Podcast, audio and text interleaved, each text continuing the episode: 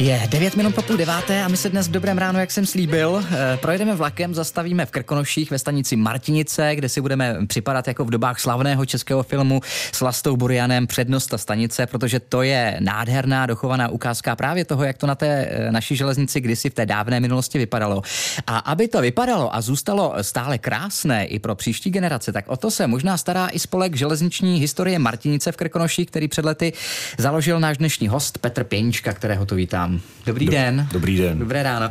Tak proč vůbec spolek uh, železniční historie Martinice v Krkonoších tenkrát vzniknul? Já nevím, jak je to dlouho. Ha, já jsem se nedávno při nějakém rozhovoru zamýšlel nad tím, když jsme se poprvé sešli ve věci uh, ochrany železniční stanice v Martinicích a letos v prosinci to bude přesně 10 let, mm-hmm. takže my těch výročí dneska máme víc. O jednom ještě budeme mluvit. Ano, ještě o jednom budeme mluvit. A takže před deseti lety přibližně jsme se sešli s takovou partou nadšenců železničních eh, kvůli tomu, že eh, se na obec na obecní úřad do Martinic eh, přišla informace o tom, že by se měla na trati Chlumec Trutnov udít revitalizace mm-hmm. a protože jsme si byli vědomí těch eh, hodnot, těch technických hodnot, eh, co, které se na stanici vyskytují, tak jsme řekli, že by to byla škoda, kdyby se tam měli postavit betonové perony a vyřezat všechno ta krásná návěstidla a, a namontovat tam modré trubky, tak Jasně. jako to dopadlo na mnoho jiných stanicích. Že by zmizela ta historie. Tak, prostě. tak, tak, možná by i stanice byla zbouraná nedaleko horka u Staré Paky, krásná pískovcová stavba, železniční staniční budovy, to je dneska už ji tam nenajdete. Takže toho jsme se mm-hmm. trošku báli a, a proto jsme začali konat. No a pojďte říct teda něco o tom, proč je e, ta železniční stanice vlastně v Martinicích tak unikátní. Eh, je to tedy tak, jako z těch dob e, vlasti Burejana? No, myslím si, že dneska už je vochlup modernější, jo. ale pořád tam máme vlastně poválečnou techniku, která tam byla namontována skutečně v roce 48, ty, to poslední, ta poslední návěstidla a vlastně Unikátní je tím, že je tam dochované eh, elektromechanické staniční zabezpečení železničního provozu. Uh-huh. To spočívá v tom, že jsou tam návěstidla, jsou tam výhybky, které jsou ovládány ručně, pákami, pákami. řetězy, lanovody.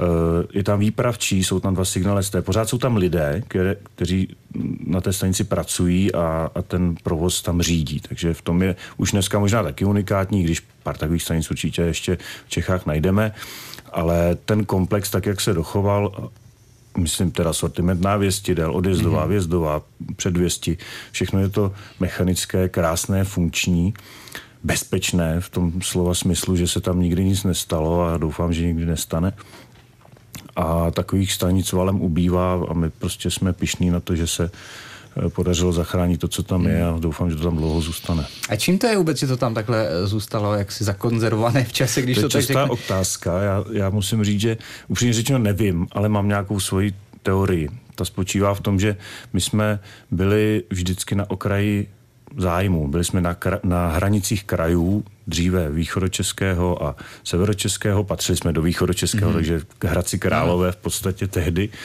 A po úpravě na nové krajové zřízení jsme dneska součástí Libereckého kraje, ale opět na jeho hranicích. Takže vždycky se k nám dostávaly ty peníze tak jako pozvolna. Asi se řešily hlavně nějaké jako zásadní rekonstrukce a na nějakou úplně totální modernizaci nedošlo takže proto tam zůstalo všechno to, co tam hmm. je. Takže se na vás trošku zapomnělo, vlastně Možná. zapomínalo během těch let.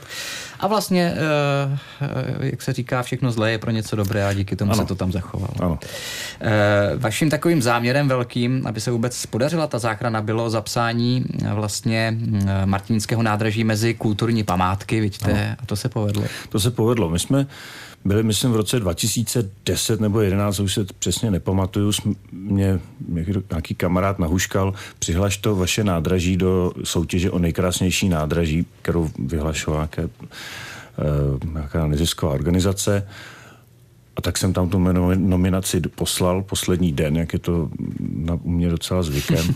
A, a on to vyšlo. My jsme byli nominováni mezi deset nejhezčích, o kterých se jako rozhodovalo a v Senátu bylo vyhlášení a já jsem teda přijel jako zástupce nebo ten navrhovatel do Senátu, takže jsem to považoval za velkou čest, když teda uh, jsme byli vyhlášení jednou z deseti nejkrásnějších staní z toho roku, to vždycky bylo vyhlašované po vlastně každý rok ta soutěž byla znova a znova. A ještě jsme tam uspěli jednou, musím říct, ale, ale tehdy mě to nakoplo a hovořil jsem to s nějakými památkáři a bylo mi řečeno, to má velký potenciál, potenciál aby se stanice stala kulturní památkou. Jednak ta elektromechanika, jednak komplex budov. Super.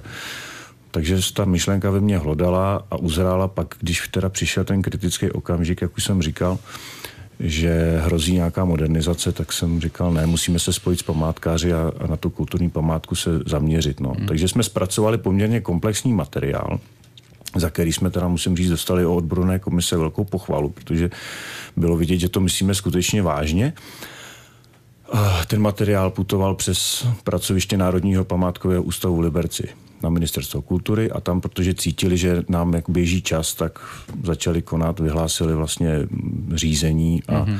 a od té chvíle to bylo rok 2015, se, se na stanici koukalo jako na kulturní památku. Ne, pardon, ne 2015, to bylo 2013 už, protože ta kulturní památka byla vyhlášena, nebo to úřední e, řízení skončilo v prosinci roku 2015, pak se táhly nějaké odvolání. Jasně. Ty skončily teda toho 6.6.2016, kdy teda se eh, stanice byla zapsána do eh, registru kulturních Kulturní památek. památek. Takže dneska je to dneska, 6.6. Dneska, ano. Je to přesně 6 let. Co jste všechno připravili eh, za oslavy k tomuhle tomu výročí, tak to si řekneme, pane Peničko, po písničce.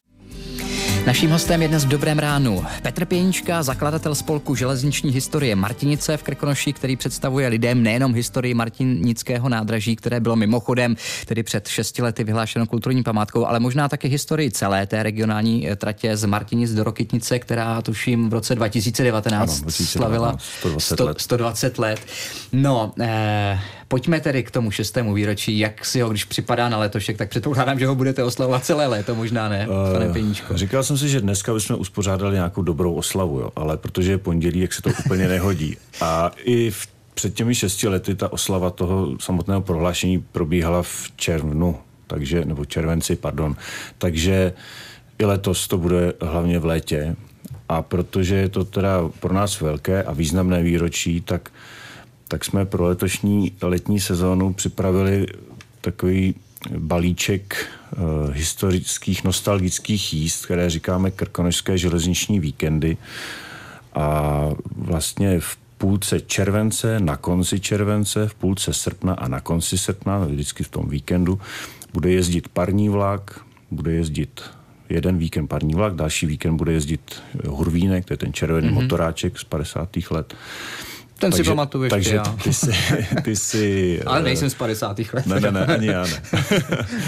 Ale takže, takže to bude naše hlavní náplň. Teďka se zaobíráme tím, že na to scháníme peníze. Není to úplně jako levná záležitost, musím říct, jsou to poměrně velké stovky tisíc, aby hmm. jsme teda k nám tuhle techniku dostali, ale eh, kraje nás podporují, jak Liberecký, tak Královéhradecký, za to jim takto děkuji. Obce na lokálce jsou také a i na, na trati jsou také našimi podporovateli hmm. a společnost Devro v Vilemnici, takže všichni tyhle ty jsou, jsou našimi partnery, my děkujeme a pomáhají nám vlastně tu lokálku oživovat takovou zajímavou technikou a dostat na ně lidi. Jasně, to jsem se chtěl právě zeptat, jaký, jaký je provoz vůbec na téhle trati dneska? Ten Ku podivu je, je poměrně čilý, jezdí tam každou druhou hodinu vlak, jezdí teda pouze z Martinic do Jablonce nad Izerou, nejezdí už do Rokytnice, mm-hmm. do Rokytnice se zajíždí pouze o víkendu, asi dvěma vlaky.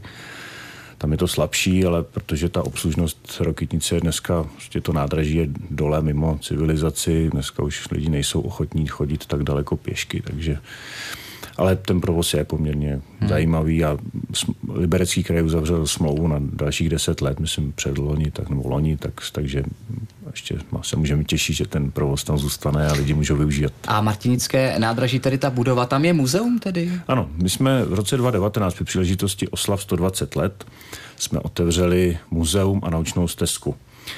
Eh, byl u toho tehdy předseda Senátu pan Kubera, což bylo velice pro nás velká čest, že jsme tam dostali takovou personu, druhého největšího ústavního činitele, tak jsme ano. na to byli velice pišní. Muzeum od té doby navštěvuje přibližně tisíc lidí ročně, není to moc, ale my si říkáme, jsme malí, začínáme, nemáme tak úplně velké ambice, ale zpráva železnic plánuje, že staniční budou zrekonstruuje a pak bychom se rádi rozšířili do dalších prostor, které dneska nejsou využívány a budou krásné. Například sklepy, půda, prostě bude to celé, celá železniční stanice bude jedno velké muzeum. Tak se na to moc těšíme. Už Ale teď provozované, se... to je na tom ano. potřeba říct, jako, že tam všude je živý provoz. Tak, tak se na to moc těšíme. Už teď se ale můžete přijet podívat samozřejmě, nebo uh, během léta na ty jízdy historický. Přijďte, každý uh, víkend máme otevřeno. Super. Moc děkuji. Eh, naším hostem byl dnes Petr Pěnička, zakladatel spolku železniční historie Martinice v Krkonoších. Já věřím, pane Pěničko, že se nevidíme naposledy, Já že doufám. se uvidíme a že třeba i k vám přijedeme uh, s naším reportážním mikrofonem. Mějte se moc hezky, nashledanou. Budete vítáni, děkuji vám za pozvání ať se i léto povede samozřejmě, děkujem, ať vlaky děkujem. jezdí na shledanou.